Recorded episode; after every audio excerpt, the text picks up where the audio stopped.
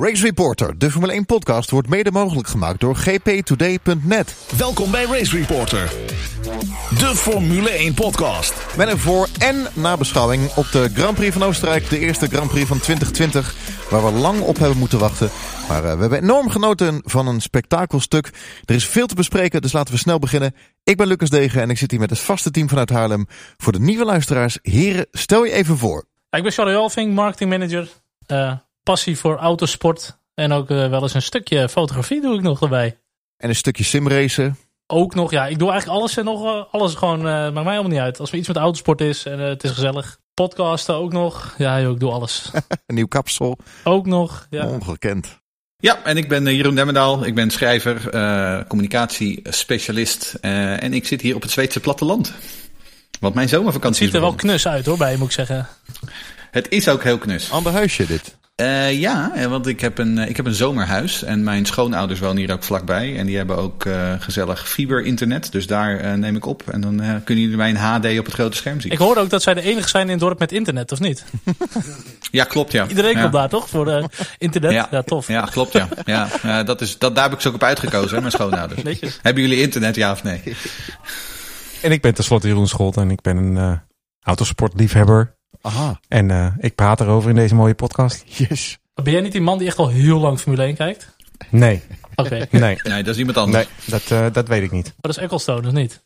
Die volgt het ook al eventjes. Ja, dat is die jonge vader, toch? Ja. Ja, precies. nou, leuk. Leuk dat je er bent, Jeroen. Nou, ik vind het ook onwijs leuk om hier te zijn. De eerste race van 2020 hebben we lang op moeten wachten. Even kort, de bordjes omhoog. Uh, tussen 1 en 10. Hoe zouden jullie deze race uh, cijfer geven? Ja, ik vind 8,5. En ik vind het niet te hoger waard. Omdat ik eigenlijk niet te veel wil genieten van een race waarin heel veel mensen uitvallen en heel veel safety cars zijn. Ik heb Ja. liever een race waar echt gewoon op het scherpst van de snede wordt gereden, zeg maar, en ingehaald. Gewoon. Oké, nou 8,5 is goed. Jeroen Demmendaal, Ja, een 8. Een uh, stevige 8, ja. Jeroen Schotten. Ik uh, ga ook voor de 8,5 eigenlijk. Ja, vooral voor een seizoensopener waarvan ik dacht van, Ja. na 11 rondjes van er is geen reet aan. Dan, uh, toen dacht ik, nou ja, toch wel. We hadden de voorspelling goed. Bottas 1. Even een snelle, korte opsomming. Bottas uh, van de baan. Lewis Hamilton die uh, de geel niet zag. Zondag vlak voor de race, ongeveer een half uur van tevoren, nog een uh, gridstraf kreeg van drie plaatsen. Waardoor Max tweede mocht gaan starten. Negen uitvallers, een aantal keer safety car op de baan. Lando Norris op het podium. Vettel die uh, alle kanten op zwabberde met zijn Ferrari. En Racing Point die het podium mist. Nul punten voor Red Bull Racing in hun, uh, ja, toch al hun thuis uh, Grand Prix. De vraag is of Albon had kunnen winnen. En dat komt allemaal ter sprake hier in deze podcast. Race Reporter. Ik zeg, take it away. Take it away. Uh, nou ja, uh, Bottas, die natuurlijk gewoon um, de race wint. Um, zoals jullie inderdaad al zo goed hadden voorspeld. Um, en die uh, dat naar, mij, naar mijn mening gewoon heel goed deed. Er was eigenlijk niks op aan te merken op die hele wedstrijd van Bottas niet. ik vond het een uh, probleemloze zege, zoals we hier in het draaiboek hebben staan. en de grote vraag is nu, is hij een titelkandidaat? Want ja, dat is natuurlijk altijd de vraag. Um, uh, vorig jaar won hij ook de allereerste Grand Prix van het seizoen. Hè? Toen had hij zijn bordje pap gegeten in Australië. En toen won hij met 25 seconden voorsprong. En toen hadden we Bottas 2.0. Nou, dat werd heel snel Bottas 1.5. En toen werd het ongeveer Bottas 0,8. Um, maar de eerste zege is altijd een daalder waard. En uh, Bottas staat gewoon op 25 punten. Uh, Max Verstappen staat op 0. Um, dus in die zin, die eerste klap is alvast uitgedeeld. Um, ik weet niet hoe het met jullie zat, maar ik moet wel zeggen, ik vond de dominantie van Mercedes wel redelijk zorgelijk. Ja, zaterdag vooral, ja. Ja en nee eigenlijk. Uh, ik, ik, ik vond de dominantie in snelheid wel zorgelijk. Maar Mercedes was niet de geoliede machine die ik wel vaker heb gezien. Ik heb toch wel wat, wat momentjes gezien. Sowieso uh, de betrouwbaarheid uh, liet de wensen over. De strategie was niet super. Want ze hadden bij die tweede uh, safety car naar binnen moeten gaan. En Hamilton was ook niet foutloos. Zowel tijdens de kwalificatie als tijdens de wedstrijd. Dus uiteindelijk hebben ze ook nog wel wat puntjes links en rechts laten liggen. Ja, absoluut. Al helemaal met Hamilton op het eind. Met die penalty hadden ze natuurlijk even voorbij Bottas kunnen laten. Goed, dat zijn er wel een beetje controversiële dingen, maar dat had gekund. Maar ik vond Mercedes ver van foutloos. Maar ze zijn absoluut wel het kloppen team, ja. Nou ja, maar dat is het dus. Hè. Het feit dat ze dus verre van foutloos waren en nog steeds gewoon zoveel sneller waren dan de rest. Zeker. Ik bedoel, ehm, dat, dat vind ik dan toch wel zorgelijk. Want als het straks een geoliede machine wordt, dan denk ik dat ze nog, nog lastiger versla- te verslaan worden. Ehm, hè, en wij, wij vestigen toch allemaal onze, onze hoop op Red Bull. Als jij in de kwalificatie pol pakt en dan ook nog even het gras gaat maaien. En dan gewoon, eh, gewoon helemaal los staat. Nou, dan vind ik dat best wel knap hoor, als team zijn ook.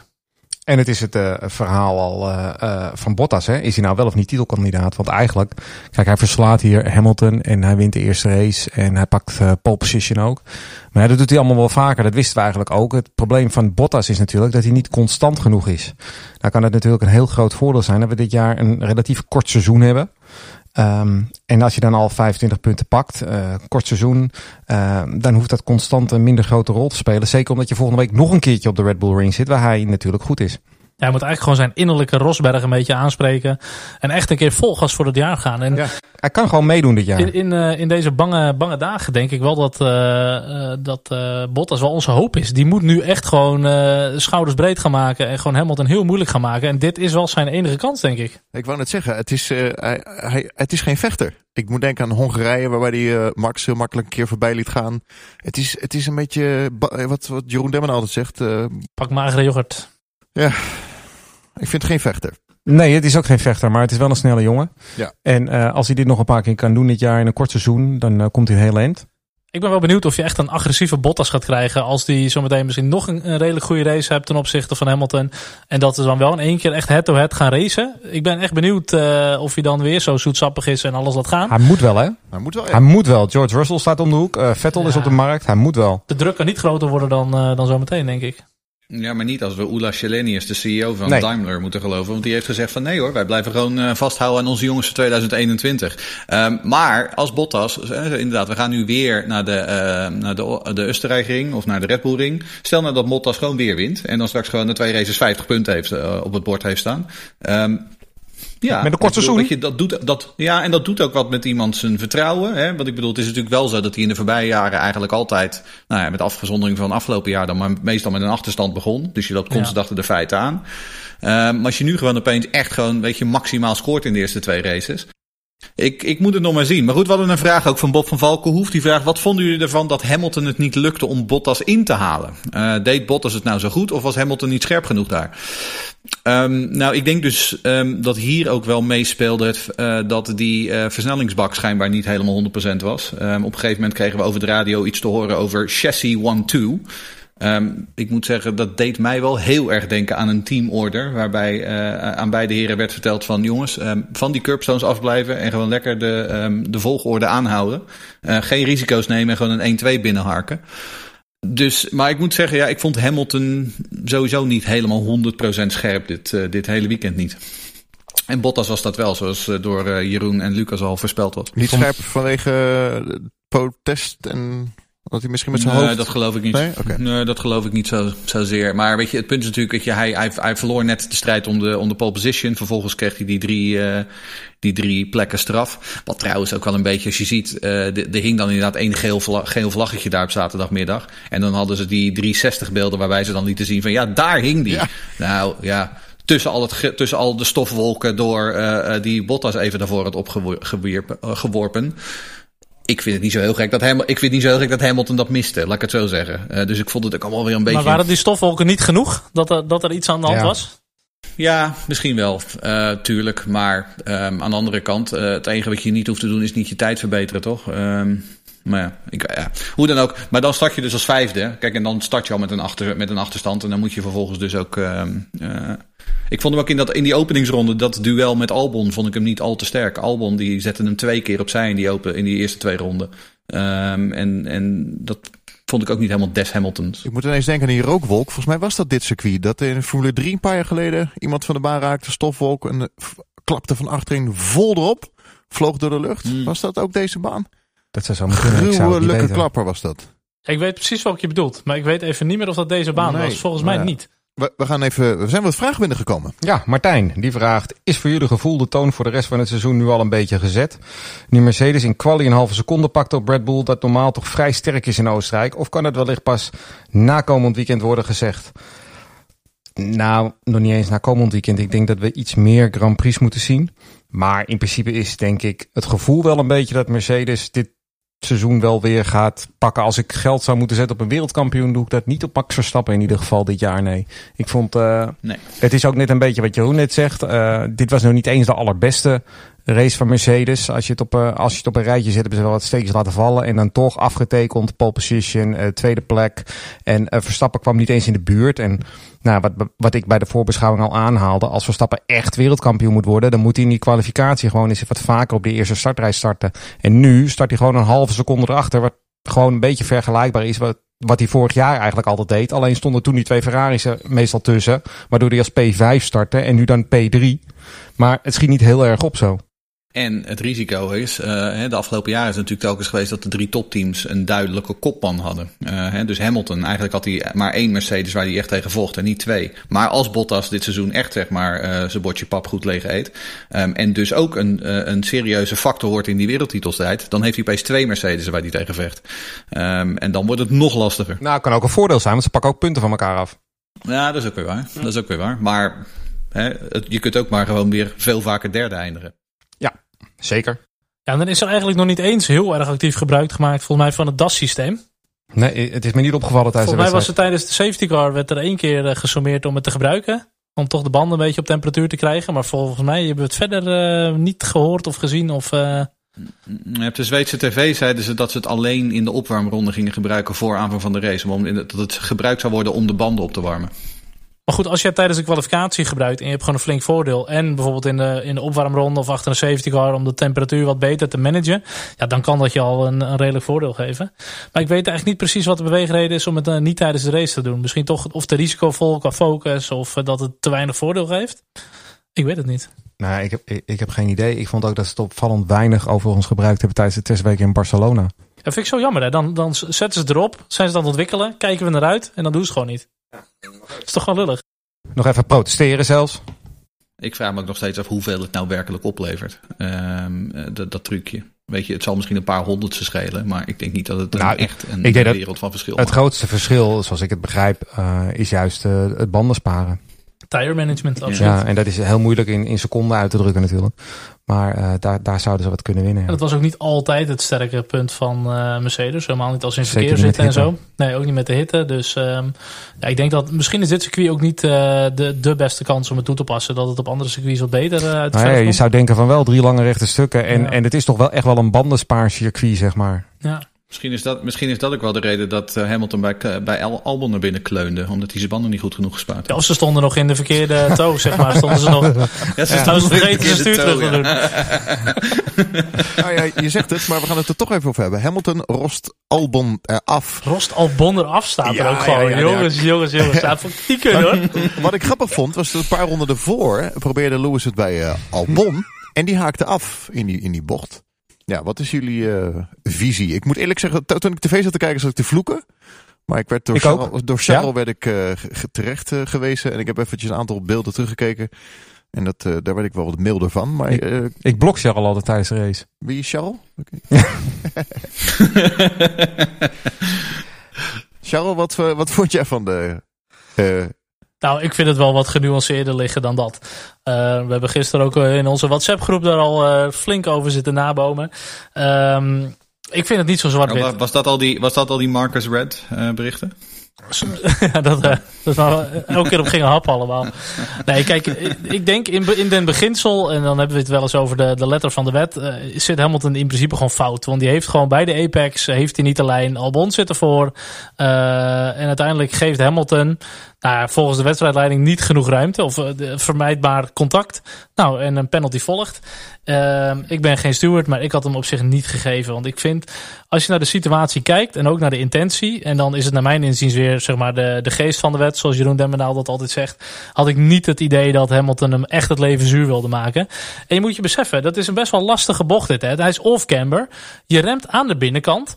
Als je daar te vroeg op het gas gaat, of je gaat helemaal full lock, nou, dan ga je sowieso in de rond in die bocht. Dus ik vond Hamilton die gaf wel ruimte aan Albon. En daarom vond ik de penalty wel, wel harsh. Maar goed, Hamilton heeft hem wel als een echte gentleman uh, gewoon geaccepteerd. En dat je hem ook alweer. Ja, nee, ik, uh, ik deelde gisteren op Twitter uh, de visie van Marcus Eriksson. En die zei dat het een race incident was. En daar was ik het volledig mee eens met die analyse. Uh, ik vind ook dat het een penalty was namelijk. Um, want um, wat Albon natuurlijk heeft gedaan, die heeft eerder dat weekend naar de Formule 2 race zitten kijken. En die zag toen hoe Marcus Armstrong op, in exact dezelfde bocht buitenom inhaalde. En die dacht, ha, dat ga ik ook doen. Want Albon reed op gloednieuwe uh, soft. Hamilton reed op een setje hards die 25 ronden oud waren. Um, en dus uh, dacht Albon, ik heb veel meer grip en ik kan dat doen, ook doen via de, de buitenkant. Um, ik denk dat Hamilton um, Albon eigenlijk helemaal niet verwacht heeft. Ik denk dat uh, Albon zover al aan de buitenkant zat. En op dat moment zat Hamilton al zover door de bocht heen. Dat hij inderdaad al gekozen had. Hij had al een lijn gekozen. En toen kon, kon hij in principe een aanrijding niet meer vermijden. Ik geloof er helemaal niks van dat Hamilton bewust bij Albon naar binnen gereden is. Absoluut niet. Maar er is wel contact gemaakt. En um, dat contact werd niet. Het was niet zo dat Albon bij Hamilton naar binnen reed. Nee, het was andersom. En Hamilton uh, um, verstierde daarmee de race van Albon. Want Albon die, uh, die ging van de baan af. Dus is het een race-incident? Absoluut.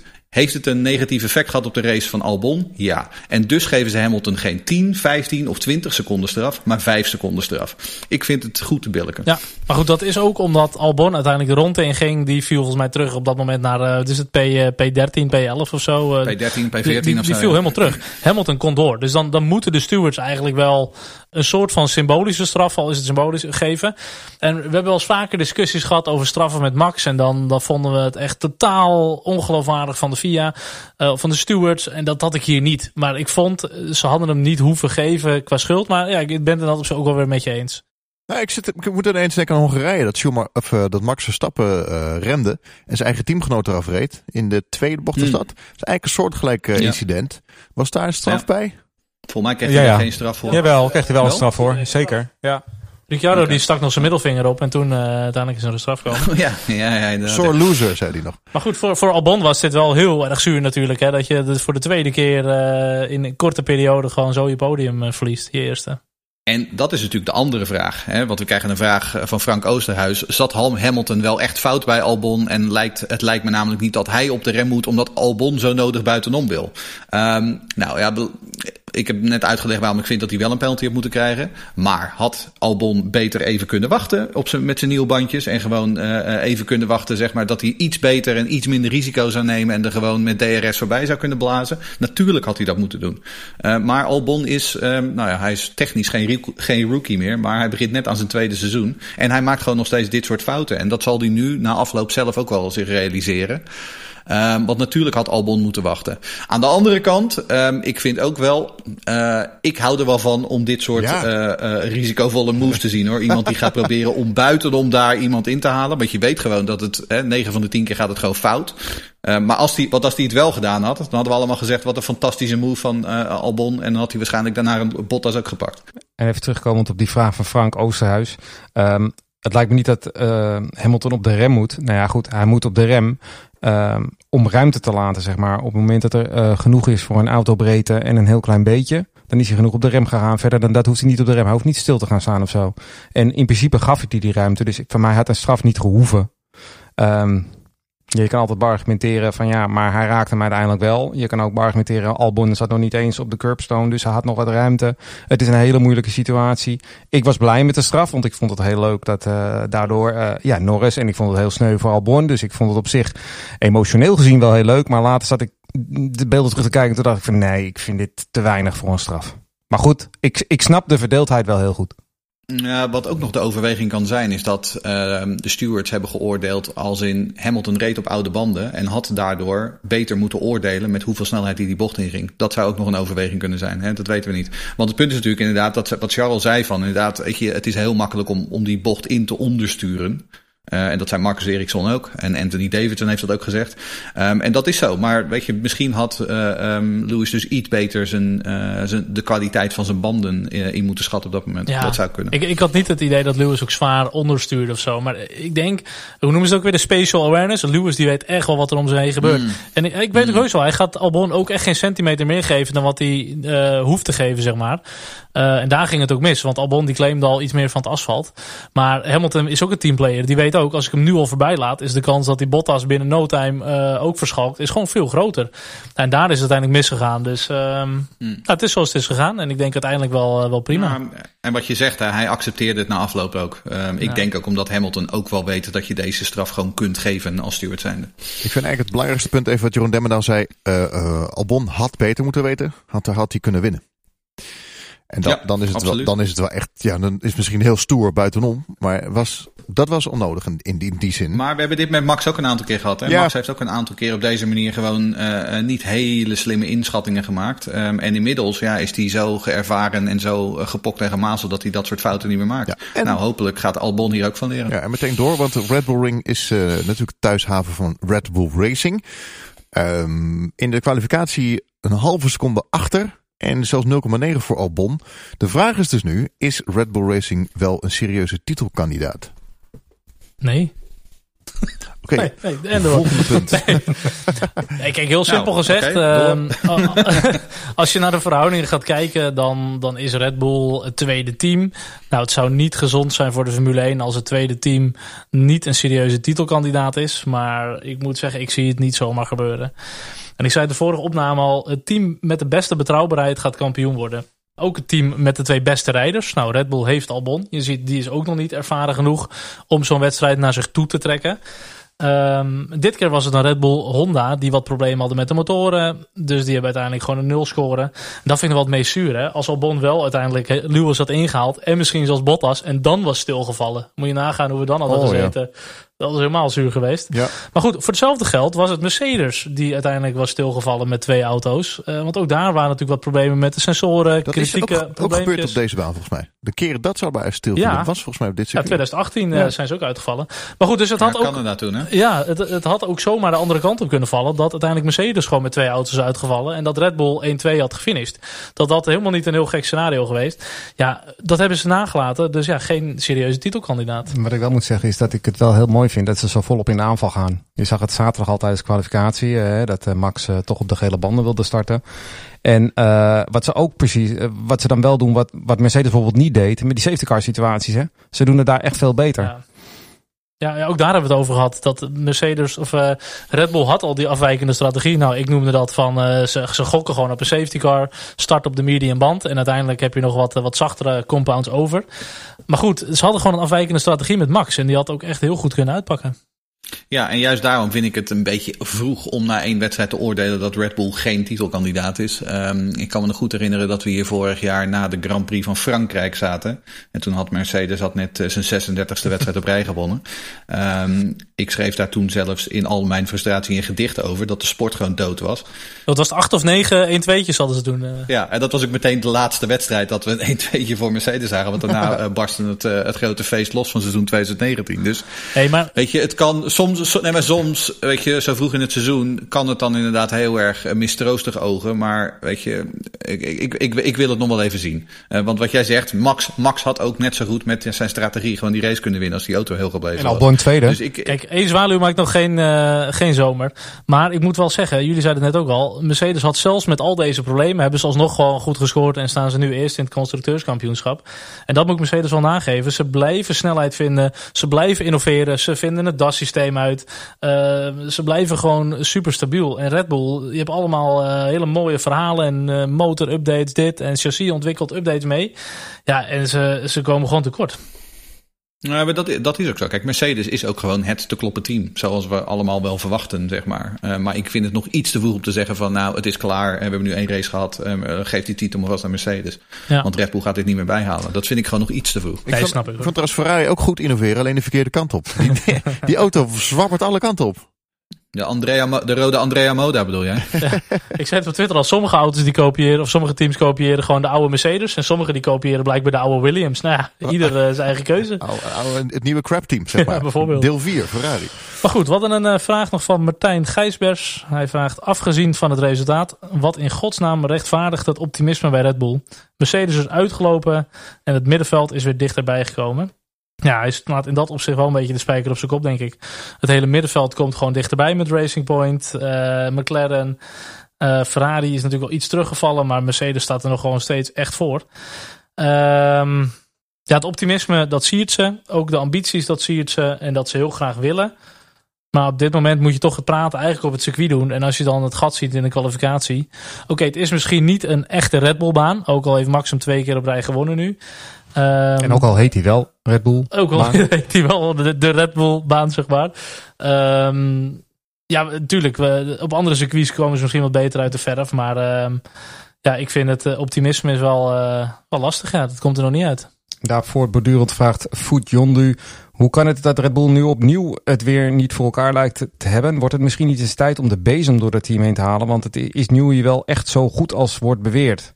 Ja, Adrian Newey is wel zo goed als wordt beweerd. Dat heeft hij al eh, talloze keren eh, Williams, eh, bewezen. McLaren. Ja, Williams, McLaren, maar ook, ook, ook daarvoor nog al- alle. Ja, hebben het altijd bewezen. En, en ook bij Red Bull. Ehm, het is een heel complexe situatie, maar waar het op neerkomt eigenlijk is dat Red Bull niet eens zo heel erg veel verkeerd doet. Ze hebben natuurlijk met Renault een tijdje gestruggeld. Nu met Honda zijn ze gewoon flinke stappen aan het maken. Hebben ze vorig jaar ook echt gemaakt. Eh, het grote probleem is gewoon dat Mercedes is het beste team in de historie van de Formule 1. Punt.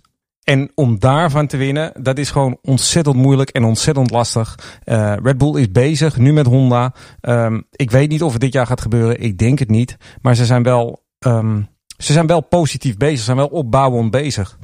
Gewoon zo doorgaan. Ja, eens. Ja, wat is het alternatief? Abitable aantrekken en dan weer een Renault motor erin of zoiets? Dat, eh, nee, maar ja, je- we kunnen nu wel gaan twijfelen aan Adrian Newey, maar die is gewoon Nee. hartstikke goed. En, en, en wie wil je daar dan neerzetten? Welke, welke ontwerper zeg je nou, nou, maar die gaat het echt doen voor ons? Het enige lastige is dat deze reglementen ook in 2021 natuurlijk doorlopen. Dus ja, je hoopt wel echt dat Red Bull nog kan gaan aanhaken. En dan het liefst nog eh, dit jaar en anders sowieso volgend jaar. Want daarna wordt het weer een grote mix van alle nieuwe auto's en concepten, Ja. et cetera. Maar we hebben één mal circuitje gezien, hè? Dat is alles, hè? Eén race op een mal circuit wat heel hoog ligt, wat allerlei andere aerodynamische verhoudingen geeft en met motoren raar doet. En historisch gezien is Newey altijd goed hè, als er grote ingrijpende veranderingen komen. Dat heeft hij namelijk al een aantal keer bewezen. Ja. Dus, ehm, en, en laten, we ook, laten we ook niet vergeten dat Adrian Newey het al lang niet meer alleen doet. Hè. Ik bedoel, het is niet zoals of Adrian Newey in zijn eentje die hele auto tekent. Adrian Newey is tegenwoordig een manager. Adrian Newey overziet een team van jonge designers. Ehm, en, en heeft nog steeds de algehele verantwoordelijkheid. Maar hè, is natuurlijk niet meer zoals dat vroeger was. En hij mist ook wel die creatieve vrijheid, hè? Ja, maar ik denk, nou ja, exact ja. Maar hij loopt nog steeds af en toe met een, met een tekenblok hier rond hè, op, Ja, de, ja. op de. Ja, ja. Dat, doet hij nog, dat, doet, dat doet hij nog steeds. Heeft hij van Louis Vergaal gestolen, hè, dat idee? Ja, ja dat zal vast, ja. Ehm, maar weet je, ik wil, hij heeft nog steeds dat heilige vuur niet verloren. Daar geloof ik helemaal niks van. En ik denk dat wat Jeroen zegt, eh, Mercedes is gewoon het beste team ooit. Eh, eh, je had ooit in de jaren, wat was het, de jaren 50, had je Real Madrid, die won zes keer op rij de, de Europa Cup 1. Dat betekende niet dat de, dat de manager van Barcelona er in die tijd niks van kon. Maar het was gewoon, weet je, soms heb je gewoon een periode waarin een bepaalde ploeg gewoon het beste is. En hebben ze dan ook de Precies beste dat. coureur alle tijden? Gewoon de GOAT? Nee. Hamilton? Nee. Ik, moet hem ik, ik, ik, vind, ik vind echt... Een, eh, eh, Hij staat wel hoog op hij mijn staat lijst. heel hoor, hoog, maar- hij staat in mijn top 5 aller tijden. Maar ik moet wel heel eerlijk zeggen, als je ehm, een, in een team rijdt wat zoveel beter in, is dan de rest... ehm, ja, nee, dan ben je voor mij niet de allerbeste ooit. deels wat Vettel had ook eh, bij Ja, dat klinkt zo. altijd lullig, want dan gaan al die Hamilton-fans die gaan dan weer roepen: ja, maar ja, daar kan hij niks aan doen. Nee, dat weet ik wel. en ik weet ook dat hij heel goed is, maar het is soms wel. Kijk, zet je Max Verstappen daar neer, heeft hij ook zes titels. Hè? Is hij dan de beste ooit? Hmm. Dat is de vraag. Hè? En als je, er zijn wel meer coureurs die dat zouden kunnen. Je zegt dit en ik vind altijd de mooiste. eh, eh, hoe zeg je dat? Uh, Alain Prost startte achteraan de race, die kon nog winnen. Schumacher startte achteraan de grid, kon nog winnen. Hoe vaak hebben wij Lewis Hamilton van achteraf de grid een race zien winnen? Dan heb je een reverse grid nodig. Nee, maar, maar serieus, het is een goede rijder. Ik ben het helemaal met jullie Nou ja, eens. ik, ik, Maar- wil niks, ik wil niks afdoen aan Lewis Hamilton. Want ook, ook, niet. Nee, ook, nee, ook in zijn kwalificatieruns is hij zo verschrikkelijk sterk en goed. Absoluut, Ehm, maar de allerbeste ooit wordt hier gevraagd. Nou, dat is hij voor mij gewoon niet. Top 5. Nee. Ja, Toch vond ik zijn debuutjaar Ja, ook wel heel gaaf hoor, van Hamilton. Dat, eh, hoe Ja. hij een beetje werd gebracht vanuit McLaren. eh weet ik wel, duizend uur in de absoluut. simulator doorgebracht. En toen gewoon te staan gewoon. Ja. Vond ik heel vet. Ik heb hem, ik, ik, maar ik- dit hebben we wel eens eerder besproken hier volgens mij. Er zijn, de, als ik ga denken aan echt grote races van Hamilton, dan staan er niet zo heel veel op mijn eh netvlies. Dat bedoel ik. je hebt die befaamde regen, je hebt die befaamde regenrace op Silverstone die heel goed was. Ja. Maar ik bedoel, als ik dan ga denken aan Michael Schumacher, hè, die, heb, Ja. je- die ooit Ja, ja. een keer van, Ja. op Spa vanaf plek 16 gewoon eh, het hele veld het snot voor Of het ogen En dat, of, versnelling of in vast. 97, hè, zowel in Monaco als in Spa met die Ferrari gewoon met een mindere Ferrari echt het hele veld gewoon oprolde. Maar ga je dat toch zien in de hedendaagse Formule 1? Nou ja, maar dat, dat, is een, dat is een ander ding. Dat hè, wat ik, wat dat, maar dat speelt ook in het voordeel van Hamilton. Hè. Tegenwoordig zijn die auto's Ja. zoveel meer betrouwbaar. Hè. De, de, wat, wat, wat we nu zagen, hè, negen uitvallers, dat zie je bijna nooit. Ik dacht echt dat ik naar een wedstrijd 1994 zat te kijken. Dit zie je echt bijna nooit Ja, meer. Ehm, dus weet je, je komt bijna altijd aan de, aan de finish. Ehm, en als je dan de beste auto hebt, ja, dan ben je er wel 14, 15 in een seizoen. Eh, en dan, hè, dan, dan kom je wel bovenaan die, aan die recordlijsten te staan. Hij is ook gewoon verslagen, verslagen de Button hè, over een seizoen en, en verslagen door Rosberg. En dat zijn prima coureurs, hè? Dat zijn prima coureurs. Maar, maar ja, uiteindelijk niet de top van de top. Oh, dan hebben we nog een vraag van Ruben. En die vraagt hoeveel spanning komt er nog in het wereldkampioenschap nu Max in het eerste weekend meteen een nul score heeft en Mercedes weer ontzettend Duits betrouwbaar lijkt. Wordt dit een two-horse race tussen Bottas en Hamilton of komt er nog een strijd met een ander team? Nou, daar hebben we het net al heel een beetje over gehad. Ehm, ik vind namelijk niet dat Mercedes zo ontzettend Duits betrouwbaar was. Eh, dat viel nog wel mee. Nee. Ehm, en ik vind het nog een beetje vroeg om, eh, eh, om hierover te oordelen. Ik denk dat Max nog steeds gewoon eh, ehm, mee kan spelen in, in de strijd. Maar dat Mercedes op dit moment de favoriet is, dat lijkt me duidelijk, ja. Minder favoriet. was ook, is ook wel duidelijk. is Fer- Ferrari. En Ik denk dat de Baviaan dat ding ontworpen heeft, hoor, eerlijk gezegd. eventjes zonder al te kritisch te zijn en negatief. Tuurlijk knap dat Leclerc op het podium kwam. Maar wat Dat was echt heel erg. Ja. is daar aan de hand? Ja, het, het ergste was denk ik eh, het filmpje wat we denk ik allemaal op Twitter hebben gezien. Ja. Over de weglegging van Vettel. Ja. eh, dat was echt dramatisch om te zien. En dan weet ik niet eh, op, op welke banden dat gereden is. Of dat oude banden waren of weet ik dat weet ik niet. Ja. Oké, Ja. nou dan is het wel heel die- erg. hij brak drie keer, Ja. hij brak Maar- gewoon drie keer uit. Gewoon in, in Het, één het, grappige wat ik, wat, ik, wat ik zag op een gegeven moment was een eh, berichtje over eh Toto Wolff die eh, nogal uithaalde naar eh, Matteo Binotto. Hij zei, hij zei, het kwam op neer, hij gunt Ferrari het beste, maar Binotto eigenlijk niet zo. en eh, dat vond ik wel een beetje apart, want Zo hard, Toto hè? Wolff, Toto Wolff is geen Helmut Marco en ook geen Niki Lauda. Dat is een hele beschaafde man die in principe niet zoveel over andere eh, personen zegt. Eh, dus dan ga je een keertje eh, een beetje nadenken. En eh, het ding is dat Binotto constant praat over die aerodynamica. Ze hebben de verkeerde kant op ontwikkeld en daardoor geen updates en aerodynamica, bla bla bla. Het komt allemaal neer op die motor. Het grote probleem is gewoon die Ja. motor. Ze hebben vorig jaar gewoon een illegale motor gehad. Dat durf ik toch Ja. wel vrij hard te stellen. En eh, ze hebben een schimmige deal met de FIA gemaakt. Waardoor ze geen, eh, een straf hebben ontlopen. Maar waardoor ze wel met een hele nieuwe motor eh, hebben moeten komen. Die veel minder pk's heeft. En wat moet je doen als je minder pk's hebt? Dan moet je zo min mogelijk drag op die auto zetten. Dus je moet er downforce van afhalen. En dat is nou gewoon het grote probleem. En daarvoor is die wegligging in het raak. En vooral op de Red Bull Ring, waar je drie lange rechte stukken hebt. Daar zal je echt, ehm, ja, eh, topsnelheid moeten halen. En, en dus het probleem zit niet in aerodynamica. Het, het probleem is gecreëerd doordat ze vorig jaar met een illegale motor reden. En ik denk dat eh Helmoet Marco. ehm, Nee, sorry, Toto Wolf.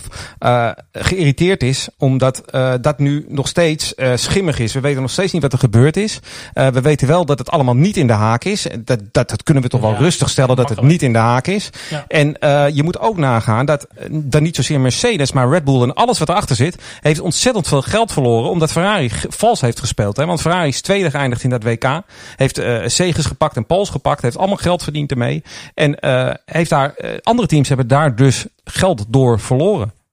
Ja, en als je dan ziet ehm, hoe ehm, weinig al dat zogenaamd vals spelen ze dan opgeleverd heeft. Want ik bedoel, als ik Toto Wolff was, zou ik nog steeds mezelf eh, eh, een kreuk lachen. Want ik heb nog steeds gewoon fluitend, fluitend Ja, eh, geen titel. gewonnen. Ja. Kampioen, Ten ja. tweede, als je dat dan allemaal eh, in het achterhoofd houdt, wat een ongelooflijk goede race heeft Leclerc gisteren dan gereden. Ja, hij heeft wel wat geluk gehad, maar Oh, zeker. ehm, Ja. het verschil tussen Leclerc en Vettel gisteren.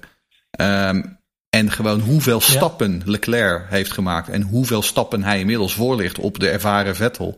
Ehm, ik vond, dat vond ik wel echt eh, goed, het meest frappante aan die eh, een van de meest frappante dingen aan die races van gisteren. Bizar. Ja. Hij, zei- hij zei het ook. Hij zei dit was misschien Ja. wel mijn beste performance ooit, zo zei hij knap. zelf. Zo knap. Met, die, met, dat, met dat konijnenhok waar, die, waar, waar, waar ze in feite in rijden. Ja. Hij, hij, hij reed ook voor het eerst in een legale Ferrari. ja, dat is ook wel, wel een keer leuk hoor. Maar hadden jullie ook dat staartje gezien met die, die comparison van de kwalificatieronde? Dat gewoon de Ferrari power teams, die zijn gewoon Ja. allemaal, in, eh, Allemaal in, in de plus zeg maar, ten opzichte van vorig jaar. Red Bull die zat om en nabij hunzelfde tijd. Maar Haas 16e, Ferrari 19e, Alfa Romeo 1,1 seconde langzamer dan vorig jaar. En toen was het natuurlijk, die motor was zo goed. Voor mij zelfs in de Formule 1 game eh, stond de motor stond als beste, zeg maar, Ja, opzichte van Er was Mercedes. iemand- Dat je er was- denkt, er- er was iemand nou, die hoe- zei dat hoe met de dat tijd nu? die Leclerc vorig jaar reed, met de auto van vorig jaar, had hij dit jaar derde gestaan op de grid. En toen dacht ik van, dat, Ja. dat, dat is een beetje... Het doet me een beetje denken aan toen we met onze, onze crap teams eh, praten, zeg maar. Toen AGS op een gegeven moment een nieuwe auto uitbracht en die was vervolgens gewoon een seconde langzamer dan de oude auto. Weet je, dat, dat idee kreeg je er een beetje bij. Van, wat, wat is daar dan? Ja, maar dat, dat, dat heeft dus heel veel te maken met het feit dat ze heel veel van die auto af moeten schroeven. Dan alsnog verloren ze iets van 0,7 seconden op de hele rechte stukken, zeg maar. Dus dat ja, is echt bizar. is echt bizar, ja. Maar dat ding was niet om mee te rijden, jongen. Alleen Nou, maar vechten. Maar ook gewoon mid-corner met aanremmen of zo. Dat ding, jongen, dat is echt gewoon... eh, Ja, nu, goed, nu komt Hongarije eraan, hè, zometeen. Tenminste, na eh, de volgende race komt Hongarije eraan. En dat is er eentje waar je wat minder eh rechte, snelheid, eh, rechte lijnsnelheid nodig hebt. Dus wellicht dat ze daar wel iets mee kunnen doen. Maar ja, dan hebben ze ook nog eens een probleem met, met hun tweede rijder. Want Sebastian Vettel, ja, eh, hij, hij duikt dan in de flank van zijn opvolger, van Sainz. Ik, ik eh, verwacht daar geen omzet in. Maar ehm, dit was wel heel Nou ja, erg. we hebben een vraag ook hè, van Steven van Duizen. toch geen, je, je, kan, je daarover. kan, je, er- zijn mensen, er zijn mensen die, die vinden, en eh, die, die, die, die kan ik me ook wel voorstellen, dat, dat, dat ze Bottas bij Mercedes moeten vervangen voor Vettel. Maar ik zou het niet doen hoor. Ik zou het echt niet doen. Ja, en dan had de vraag binnengekregen. Ja, haalt Vettel einde seizoen. Lijkt lusteloos rond te rijden. Lijkt een andere wagen te hebben dan Leclerc. Nou, het einde van het seizoen gaat hij wel halen. Ik kan me niet voorstellen dat Ferrari tussendoor een, een dergelijk duur contract, want dat is een peperduur contract, af gaat Ja, kopen. Dat, eh, dat kan ik me niet voorstellen. Bovendien, Die zou je- die moet je erin zetten dan. Mark gedaan, toch? Die hebben ze er ook halverwege uitgegooid en toen zetten ze de Ja. Ivan Capelli in. Ja. maar ja, nou ja, Ho, goed. ho, Misschien ho. kan je Ivan Capelli bellen of, eh, je, of weet- eh, je weet waarom. Mika je, Salo. weet- je weet wat Alain Kijk. Prost toen had gezegd, hè? Ja, ja, dat weet ik. Ik weet wat hij gezegd heeft. Ja. Maar dan nog, ik bedoel, want dat was ook een duur contract natuurlijk destijds voor die periode. Ja, ja, ja. ja, ja. Kijk, het enige denkbare scenario, en dat is wel echt heel ver gezocht, dat is als bijvoorbeeld Alonso wel wil terugkeren bij Renault, eh, dan hebben ze al gezegd, dan willen ze die het liefst dit seizoen nog in die auto hebben.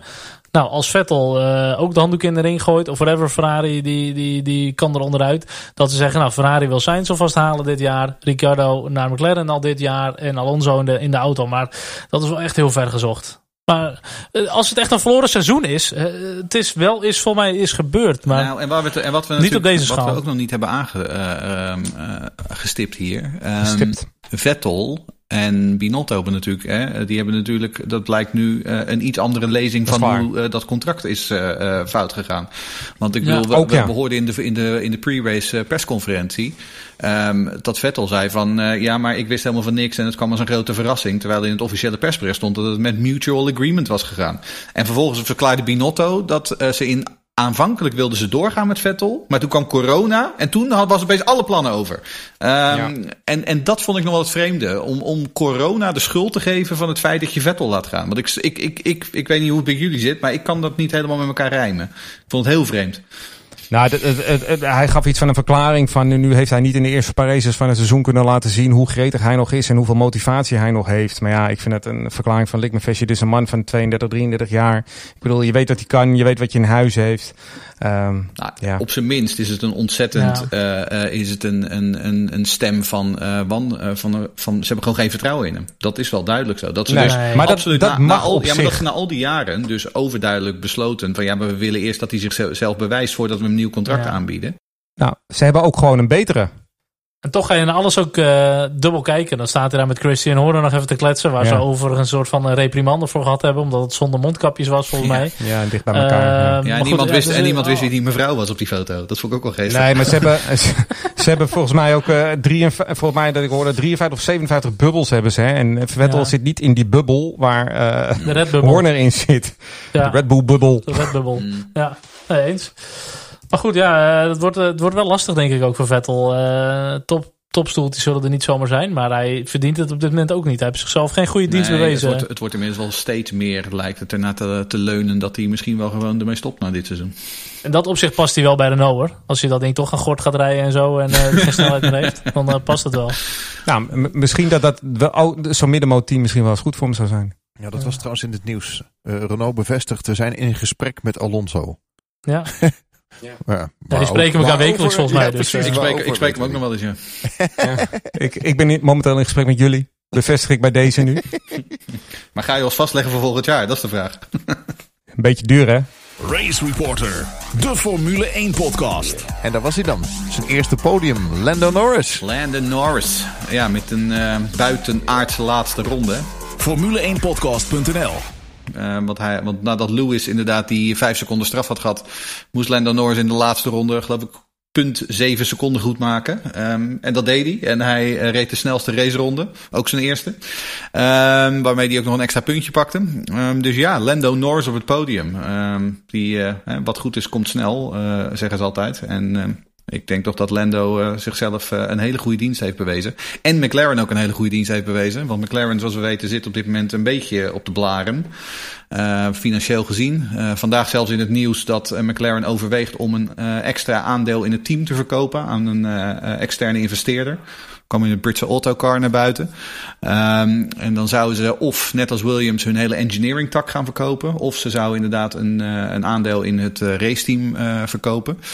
Um, dus ja, als je dan een derde en een vijfde plek met Sainz haalt in je eerste weekend, dan, dan helpt dat. Ja, en de meeste luisteraars van ons die weten wel dat wij niet een heel erg oranje bril hebben qua Max Verstappen. Tuurlijk zijn we Nederlanders en vinden we dat fantastisch hoe gigantisch goed hij is. Maar ik moet zeggen, de uitvalbeurt van Max werd door uh, Norris wel echt voor mij ruimschoots goed gemaakt. Dan praten over een oranje bril, want McLaren is natuurlijk ook oranje. Maar ze hebben voor mij nog steeds wel echt die gunfactor hoor. En ik zat echt uh, bijna te juichen op de bank gewoon. Uh, Je hebt wel meer met oranje. Gewoon, are you crying? Are you crying? nou, ik zat gewoon bij de, nou, te janken in. Maar ik vond het wel echt, ik, ik gunde hem het zo gigantisch. Nou, en ik moet echt zeggen, want we hadden vorig jaar een discussie over, over Albon. En, en, en toen zei ik nog van ja, je moet je beoordelen op die uitschieters. En dit is nou zo'n uitschieter. Ja. En dan zie ik dat Lando Norris gewoon zo verschrikkelijk veel potentie heeft. Dat hij dit kan in de laatste ronde. Ja. Op, uh, op toch wat oudere banden nog even de snelste ronde rijden. Onder zoveel druk. Want je moet het maar eventjes doen. Uh, hij stond volgens mij bij het ingaan van de ronde 5.7 achter zoiets. En hij eindigde binnen die vijf seconden. Natuurlijk werd Hamilton een klein beetje opgehouden, de Bottas. Maar je moet het toch maar eventjes doen. Dat vond ik echt super knap. Hij stijgt even boven zichzelf uit. Dat komt gewoon door jarenlang simracen. Ja, zeker. Ja, je ziet echt de potentie van ja. zo'n jongen dan. En maar ook gewoon dat team die hem door die ronde heen coachte, wanneer hij die overtake mocht gebruiken. En dat je dan die focus houdt en hem foutloos pakt die ronde. En ook echt precies goed op het gas. Overtake button. Nou, ik vond het echt Heel een knap. magistrale ronde gewoon. Absoluut. Ik stond echt te juichen. Ja. Ja, voor wie hem nog niet gezien heeft, zoek hem echt even op die video van Norris en zijn laatste ronde. Dat is echt. Ah, awesome. Is, het, uh, is McLaren, der, McLaren het derde team? Nou, nou dat, we moeten iets meer zien nog. Maar uh, ze zijn wel heel erg uh, overtuigend op dit weekend van deze geweest. uitslag wel, ja. op basis van deze en op basis van de WK-stand uh, zijn ze zelfs tweede. Ik wil het zeggen maar, tweede. Ja, ja. ja. Maar ik, uh, ik moet eerlijk zeggen, als je naar deze race kijkt, was een heel solide optreden van het hele team, het hele weekend. Um, we gaan het uh, komend weekend zien. Maar, maar, het is nog een beetje een jong seizoen, hè? We hebben het wel vaker gezegd. Het team is natuurlijk niet alleen een coureur, alleen een auto, alleen een motor. Het hele pakket moet kloppen. De strategie, de synergie, alles moet kloppen. En dat hoe McLaren, zelfs met een Renault motor, gewoon er zo staat elke keer om eigenlijk best of the rest te zijn. En best of the rest is nu veel meer dan vorig jaar. Ja, ik heb daar echt wel uh, zwaar respect voor hoor. Ik vind dat echt netjes. Nou ja, maar als Ferrari er niet staat dit jaar, zijn ze toch derde team. Nee, maar goed, ja, maar die, die moet wel eventjes... Teams, hè? Ja, die, die iets kleinere teams, en dat is McLaren helaas ook op dit moment, die hebben natuurlijk wel wat minder ontwikkelingsmogelijkheden dan Ferrari. Je moet het wel een heel jaar volhouden. En laat de Racing Point niet vergeten, die wel wat hebben laten liggen nu. Maar ook die zijn er echt wel, uh, zitten er wel bovenop hoor. Ja, maar die hebben wel echt aantoonbaar mindere rijders dan McLaren heeft. Ja, zeker. Dat vind zeker. ik Goeie vraag. Laten we kijken naar het middenveld. Hoe, wat verwachten jullie daar het komende, komende seizoen? Ja, ik denk dat het gigantisch uh, uh, spannend gaat worden in het middenveld. En helemaal uh, met Racing Point. Die doen het natuurlijk gewoon echt heel erg goed. Dat zagen we al. De kopie van de, de W10 van vorig jaar van Mercedes. die hebben alleen de verwachting niet helemaal waargemaakt in de race. En dat was wel een beetje jammer. En, en helemaal voor, de, voor de, de kindjes in Gambia vond ik dat wel echt heel erg. Ja, maar die krijgen, die krijgen gewoon ja. punten, hè? Want het is gewoon top 10 finish. Dus dat is geen probleem. Nee, die zeker. waterput die komt er maar gewoon. dat, dat, dat, dat had veel beter kunnen zijn. Maar goed, kijk, ze hebben de, de, waterput. de, de- ja, nog gewoon meer.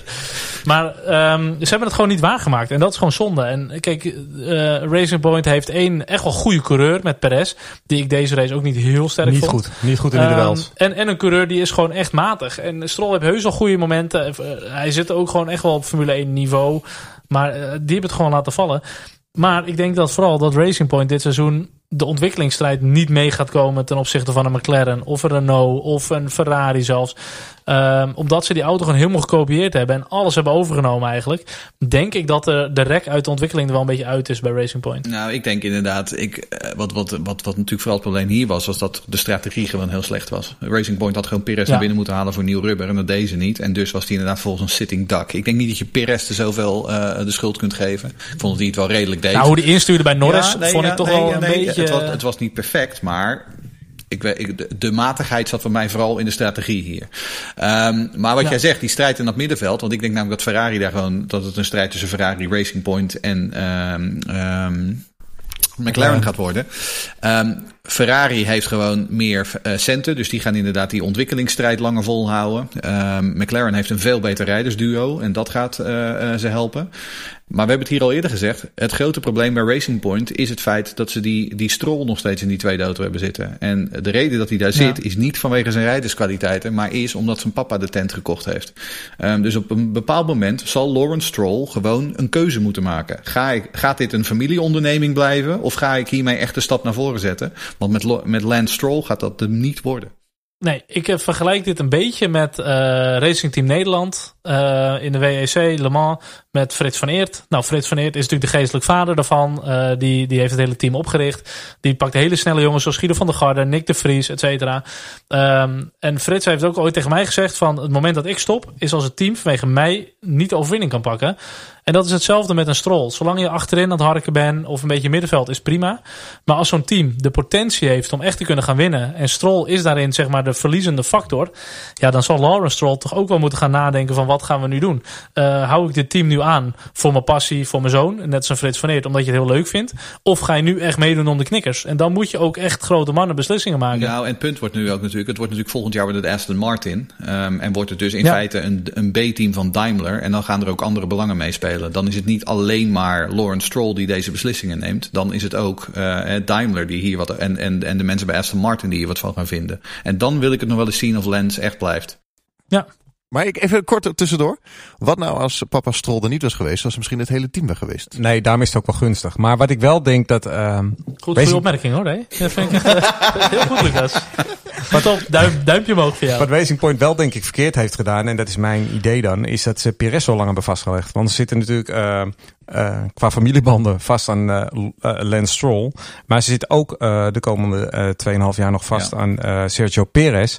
En als je nou echt stappen wil gaan maken en je hebt echt de ambitie om richting de top te gaan, en dat spreken ze wel uit, dan is Perez uiteindelijk ook niet goed genoeg. En als je dan twee coureurs hebt waar je eigenlijk niet echt van af kan, dan wordt het helemaal moeilijk natuurlijk. Maar wie had jij dan binnengehaald nog? Was het nog een Ocon toen het nog nou, kon? Of op, een, uh, op, di op, dit moment, op, dit moment, op dit moment moeten ze geen topcoureur halen. Want nee. al, al zouden ze dat kunnen, dat heeft nu geen zin. Maar nee. uh, ik kan me voorstellen, als ze zo doorgaan, dat ze dat over anderhalf jaar wel doen. En als je dan nog steeds vastzit aan, aan Sergio Perez, ja, dan, dan kan dat een blok aan je been worden. Ja, maar dat is wat Christian Horner altijd zo goed deed bij Red Bull. Hè? Uh, die, die haalde geen absolute topcoureur binnen, totdat hij daadwerkelijk als team klaar was voor een topcoureur. Um, en dat heeft, Kijk maar bij Renault. dat heeft Horner altijd heel goed begrepen. Um, ja, maar inderdaad, was als Renault nu Alonso binnenhaalt. Dat is gewoon, je kunt, je kunt, net zo, je kunt het net zo goed door de play spoelen, dat geld. Want je hebt er niks aan. En dan vind ik de verlenging, dan vind ik de verlenging van Perez dus wat langer. Ja, daar ben ik wel met je eens. goed, we hebben ook nog een, uh, ja. we hebben nog een vraag van AJ Arendsen. Die vraagt ook, Perez lag op podiumkoers na Albon spin. Heeft het toch niet gehaald. Hadden jullie stiekem ook meer verwacht van Racing Point? Ja, kijk, op, op een gegeven moment reed Perez gewoon op P3. Alleen gewoon verkeerde strategie, verkeerde keuzes. Ik vond hem ook gewoon op de baan niet heel erg sterk. Ik denk dat hij echt ook wel een auto had om mee te vechten. Maar misschien toch net op het verkeerde moment de verkeerde banden. Uh, ja, ik had zeker wel meer verwacht. En wat ik al zei, dit zijn de races dat Racing Point het moet doen. Die komen gewoon snel uit de startblokken nu. hebben een goede auto. Maar op ontwikkeling zullen ze denk ik iets gaan, gaan inleveren. Dus ja, dit, dit had wel uh, een hele goede race voor hun kunnen zijn. Nou goed, verder hebben we nog Renault. Valse start voor Renault. En dan ga ik ook even beginnen met Abiteboul. Um, waar we vaak over hebben. Maar als we dan hebben over een Newey, of die nog wel goed genoeg is, et cetera. Goed, die is geen teambaas, maar een Abiteboul die gewoon verantwoordelijk is voor het Renault Formule 1 team. Ja, het verblijft mij zo verbazen dat een fabrieksteam met twee toprijders gewoon het volledig aflegt tegen een klantenteam. Als je ziet, de McLaren rijdt de sterren van de hemel. Uh, en Renault die harkt er gewoon een beetje achteraan. Met geluk hebben ze nog wat punten gepakt met Ocon, die gewoon een prima race heeft gereden. Oh, Overigens wel een, een, touché had gehad. Dat wilde ik nou net zeggen. Ocon viel mij niet mee hoor dit weekend. Uh, die was nog erg roestig. Hij was misschien roestig, maar... 600 dagen zonder race. Ja. En meer dan 600 dagen heeft hij niet geraced. Ja, dat. En hij had voor mij een touché met eh Kvyat. Ik heb dat niet gezien wat daar is gebeurd. Maar ehm, kijk, hij, hij heeft wel uitgereden. Hij heeft in de punten, dus prima. Nou, Ricciardo is uitgevallen. Maar als hij een Abiteboel zou ik me echt schamen hoor. Als je dan kijkt naar de McLaren. ehm, ja, ik vind dat echt, eh, echt dramatisch gewoon nog steeds.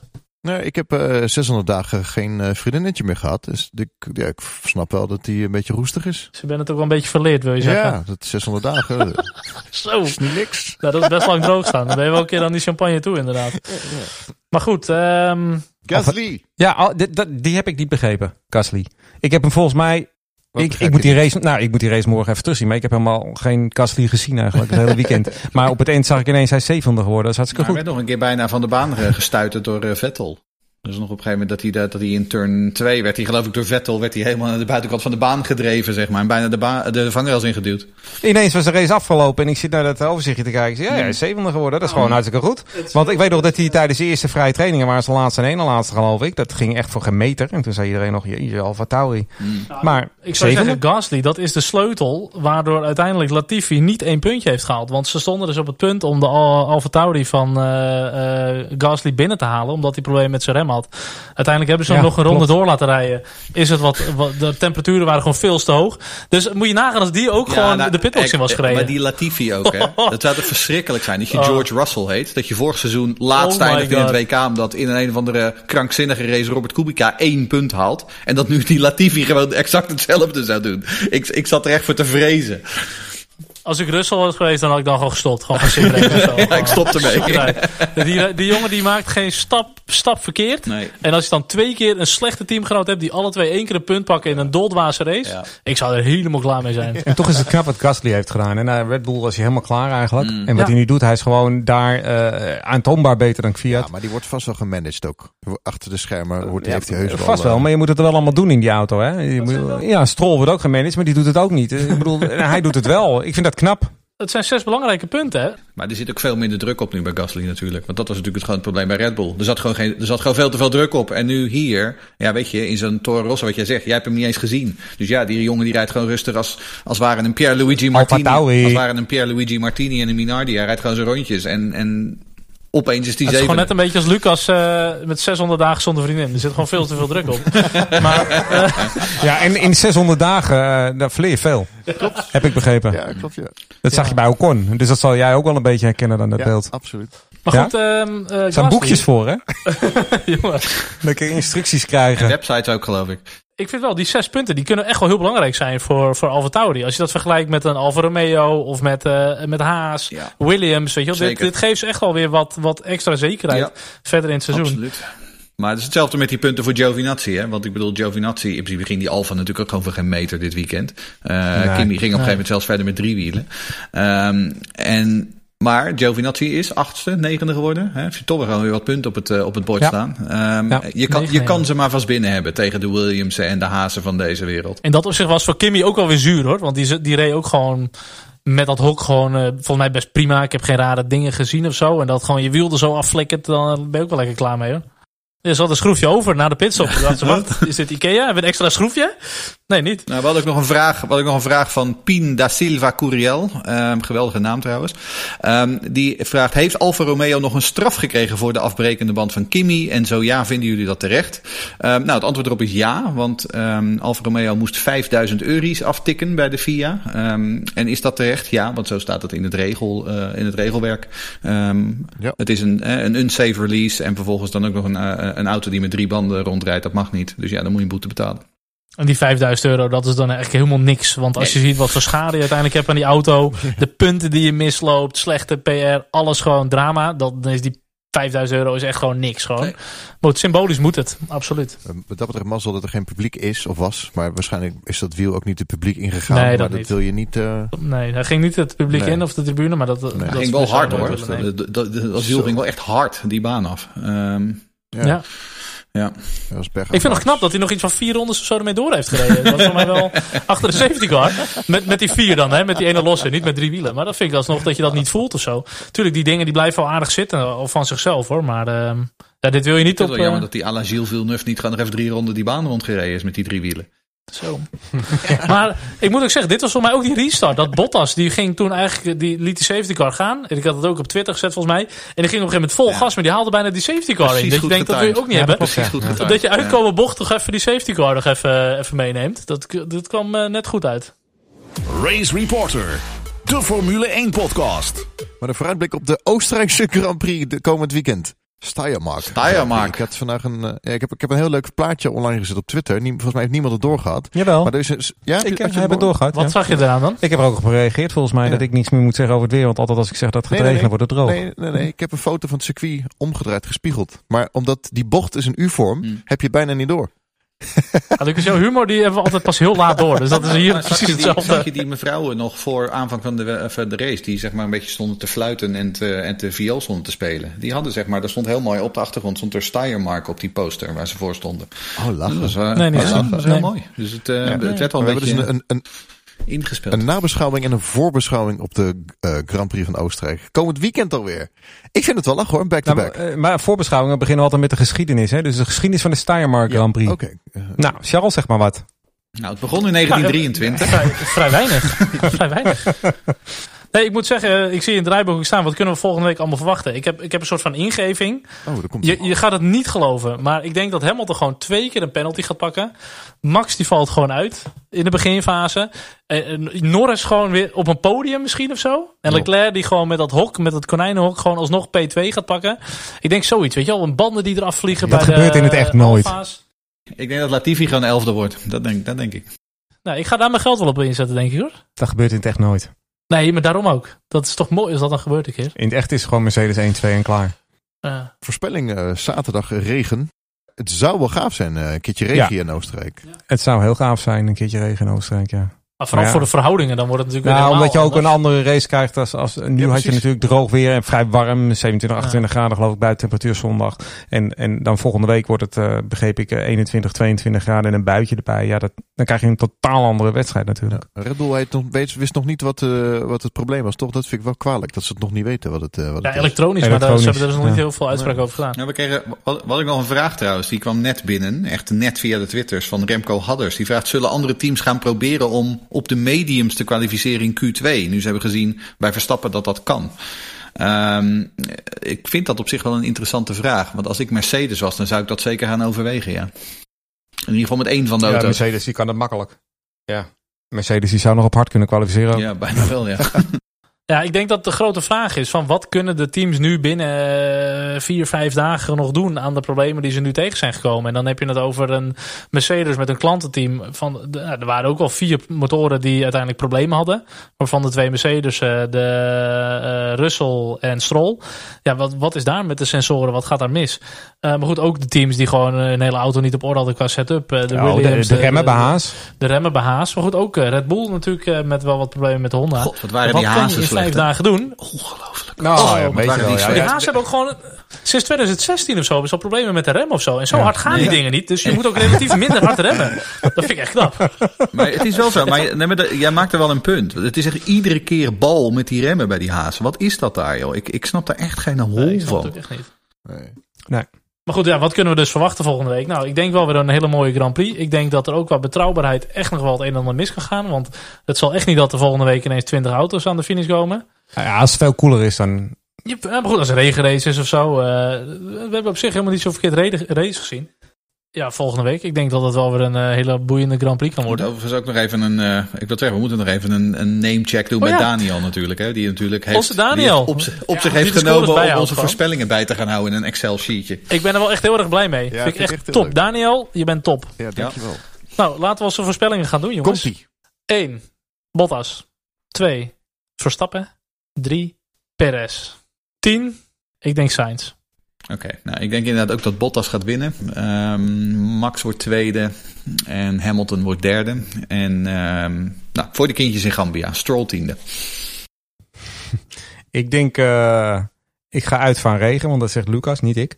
Eh, Verstappen, die gaat aan binnen. Hamilton wordt wel tweede. En derde wordt dan eh, Leclerc. En tiende wordt George Russell. Oh, Leclerc ook gewoon weer. Eerste puntje. Podium gewoon weer. Leclerc gaat weer naar het podium. Ja, regen. Ja. En Leclerc is veel beter dan Ja, al het is- andere behalve Hamilton en Verstappen. Dus. Ik vind het echt helemaal niet zo'n slechte voorspelling. Maar ja, dan ben ik En Russell laat. wordt tiende. Maar die van mij is beter. Albon gaat winnen. Die gaat uh, buitenom bij Lewis. Die wint. Tweede wordt uh, Max Verstappen. Weer, weer bocht 4? Of, uh... En de der, derde wordt uh, Norris. En tiende Latifi. Dus, dus Albon gaat op de baan Verstappen verslaan? Ja. Over 71 rondes? Ja, absoluut. Oké. Okay. Absoluut.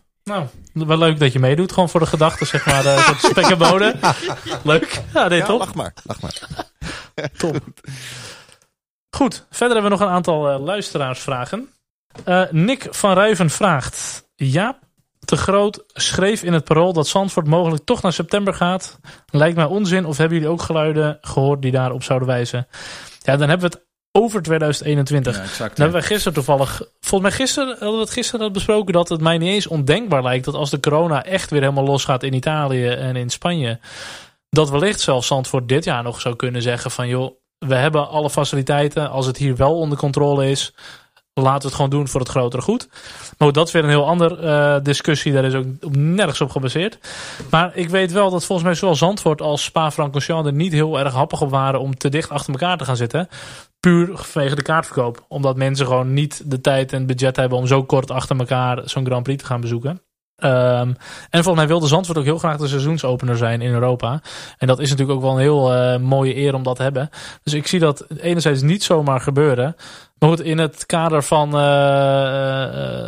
de, de, de groene missie van de Formule 1 en de uitstoot is het niet zo'n heel gek gedachte, nee. Maar het is ook nog de vraag, want Spanje is zo in lockdown zitten. Italië volgt nog. Ja, voor mij bepaalde regio's uh, ja. die, waar het wel weer wat. Uh, ja, maar gewoon korte, korte lockdowns zijn dat voorlopig nog. En maar in Italië is geloof ik het aantal coronapatiënten weer verdubbeld in de afgelopen tijd. Dus het gaat wel hard. Dus ja, het is allemaal nog heel erg uh, onzeker. En toch zei uh, Ferrari volgens mij, uh, Binotto, dat het ja. 98% uh, zeker Mugello. is Mugello. Dus maar ik moet nog, zeggen, steeds niet bevestigd, nog steeds niet bevestigd. En dat, dat nee, sta ik wel een beetje van te kijken eerlijk gezegd. Ja, had ik, uh, had ik voor dit weekend al lang verwacht eigenlijk. Ja, ik denk dat de Formule 1 ook nog wel een beetje een slag om de arm houdt. Ze wilden het eigenlijk voor het seizoen al een beetje aankondigen.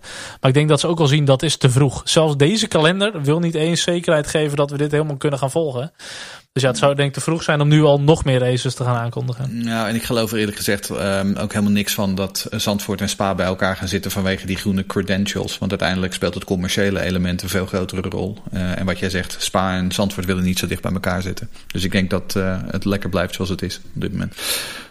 Nog een vraag van uh, Unraced F1. Dat is een hele mooie website trouwens. Die moeten jullie af en toe maar eens op, opzoeken. Dat is een, uh, over allemaal obscure plannen over Formule 1 teams die nooit van de grond kwamen. En die vraagt, wat vinden jullie van het plan om de Aurora F1 weer in het leven te roepen? En zelf zit ik dan te denken aan het tijdperk 1995 tot 2005. Uh, en dan heb je die simpele wagens en natuurlijk ook het geluid van de V10 motoren. Um, voor de wat jongere luisteraars, de Aurora F1, dat was in feite het Brits Formule 1 kampioenschap. En dat werd verreden in de jaren 70 en jaren 80. Uh, en daarin racen dan vooral met oude Formule 1 wagens. Um, in Amerika heb je ooit ook uh, een, soort gelijk iets gehad met oude IndyCars. Tegenwoordig heb je de Bosch Grand Prix. Um, en dit was ook overigens de klasse waarin de enige Formule 1 overwinning door een vrouw plaatsvond. Want Desiree Wilson won ooit een race in de Aurora F1 op Brands Hatch. Um, ik, het lijkt mij helemaal geweldig, eerlijk gezegd. Um, ja. Ik denk dat het in deze tijden van um, hè, groene, groene missies, dat het allemaal een stuk moeilijker gaat worden om, dat, uh, om, om daar uh, groen licht voor te krijgen. Maar het lijkt mij persoonlijk helemaal mooi inderdaad om, um, om, om al die oude Formule 1 wagens weer de baan op te sturen en tegen elkaar laten, te laten racen. Dus uh, wat mij betreft meteen doen. Laatste vraag van de dag. Remco van der Weijden die vraagt... waren jullie het eens met Sander de Bouzonnier dat Latifi het heel goed gedaan had? Want hij was elfde geworden. Ja goed, hij is gefinished. Ja. Dan moet je er meer van zeggen. Nicolas Latifi komt aan alle kanten tekort. Um, heeft, niks, heeft niks te zoeken in de Formule 1, maar hij is gefinished. Misschien moet je ook gewoon als Ziggo zijn er gewoon niet Xander de Bouzonnier in je studio Nou, misschien halen. moet je als Sander de Bouzonnier zijn er gewoon, mee gewoon lekker gaan zingen. En, uh, en niet zo slap lullen, want Latifi is gewoon elfde geworden en dat was allerlaatste in deze wedstrijd. Als hij dat heel goed vindt, nou, applaus voor Sander. Ik vind ongeacht wat zijn mening was, vind ik het gewoon... Uh, ook al zijn wij ook maar slechts mannen met een mening, met een passie voor Formule 1... Maar dat idee heb ik bij hem niet dat die passie voor Formule 1 Nee, maar je moet, ook, je moet ook iets kunnen onderbouwen. Je kan wel roepen ja. dat Latifi het goed gedaan heeft. Hij is allerlaatste geworden. Ja, uh, ja dus wel, top. Ik wilde hem net uitnodigen voor volgende week uh, aan te schuiven in onze podcast. Dat is eh, Xander de Bizenet, is dat. Goed, dat waren de luisteraarsvragen. Maar ik wilde ook nog eventjes, eh, even heel kort. Rinus VK, P5. Oké, wat heeft hij dan weer gedaan? En dan hebben wij geen, eh, geen IndyCar eh, podcast toevallig. Tenminste, wij, eh, wij drie hier in Haarlem niet. Maar Nederland wel. Nederland wel, met Green, Green, Green. Maar dat is voor jullie wel even een mooitje dit, eh ik, Jeroen. heb, ik heb nog nooit met zoveel zenuwen naar een race zitten kijken, kan ik je vertellen. Die laatste 15 ronden van die wedstrijd, allemaal magisch. Eh, ja, nee, echt prachtig. Prachtig. Oh, eh, ik vond het echt genieten, man. resultaat. Echt, echt heel goed. Ik vind het heel gek, want dit was een beetje een vergelijkbaar gevoel, vond ik, met dat, dat Max voor de eerste keer echt in de punten ging rijden, richting een podium ging. Dat je dat voor de eerste keer, zeg maar, en dat kan Lucas misschien beamen, de eerste keer is altijd wel heel speciaal. En dan als het daarna even eh, niet meer is, dan is dat jammer. Maar dat gevoel, zeg maar, ook met een 4K, dat hij nu echt gewoon, eh, gewoon meedoet om de, om de knikkers, dat vond ik wel heel vet. Ja, de laatste keer dat ik, dat, ik, dat ik zo gespannen naar een wedstrijd zat te kijken... was eigenlijk denk ik met eh, in Spanje 2016. Dat Max Verstappen Nou, met uh, Rijkoon in zijn nek zat. Maar nee, het was... ehm, weet je, vooral nadat het in Texas eh, op zo'n eh, deceptie was uitgelopen... en dat hij dan hier komt en gewoon vanaf het begin met een goede strategie... eh, en vervolgens gewoon echt de sterren van de hemel rijdt. Ja, echt, echt heel goed. Echt heel goed. Ehm, en komend weekend mag hij weer, hè? Twee races Ja. op Road America. Zowel op zaterdag als op zondag. Dus ja, als je, op, als je Ziggo hebt en je kunt het zien, ga er absoluut voor zitten. Want het is zijn favoriete circuit. Dus ehm, als het goed is, krijgen we weer vuurwerk. Dan moeten we ook nog eventjes een applausje geven aan Richard de Schoor. Hè? Tweede ja, Formule Richard 3 Verschoor race. ook. Ja. Oh. Dat deed hij, maar hij reed echt een hele goede race. Hele Maar Richard volwassen zat ook wedstrijd. twee keer aan de buitenkant waar Albon zat. En twee keer kreeg Ja. hij de deksel op zijn neus. Ja. Maar hij heeft wel een mooi Maar podium een hele gepakt. volwassen wedstrijd. Hè? Rustig begonnen aan die wedstrijd. En in de tweede helft Ja. heeft hij heel erg goed eh, toegeslagen toen het kon. En als, hij, als die wedstrijd nog twee, twee rondjes langer had geduurd, had hij hem nog gepakt ook, Lawson. Ja, En dan- absoluut. Die En safety car NP kwam niet zo en dan goed MP uit. Motorsport ook nog maar even. Die eh, op Zeker, zondagochtend de Formule 2 Motorsport. race won met Felipe Drugovic. Dan moet ik zeggen dat ik Zoe wel echt, eh Zoe vond ik wel echt gigantisch jammer hoor. Ja, maar Drukovic had ik niet verwacht. Nee, ik ook niet. Oh. Nee. Nee, Knap hoor. zeker niet. Ik zeg, Jeroen Demmerdaal, geniet in je, van je vakantie, je vakantiehuisje. Hoe lang zit je daar? Eh, nou, dus zeker de komende vier, vijf weken. Dus ehm Oké, hartstikke nou, leuk. Geniet ervan. Geniet ervan. Het ziet er heel erg mooi uit. Heren, eh, mag ik jullie bedanken? Zeker, mag dat. Ja, zeker. Kom maar door. Kom maar door dan. Op naar de Grand Oostenrijk. Tot volgende week, hè? Maar bedankt ons dan. volgende week. Dank jullie wel. Ja, graag gedaan. Ja, graag gedaan. Hoi. Deze podcast wordt mede mogelijk gemaakt door gptoday.net en natuurlijk met eh, de hulp van een aantal supporters die ons helpen via Petje Af. Onder andere Joost Landzaat, erg bedankt voor jouw donatie. Rowdy Rabouw, dankjewel voor je donatie. Super bedankt. Remco Zoon, Eddy, Chris, Niels, Karin, onze vaste luisteraar. Iedereen bedankt voor je donatie. En wil je ook doneren? Ga naar racereporter.nl slash support.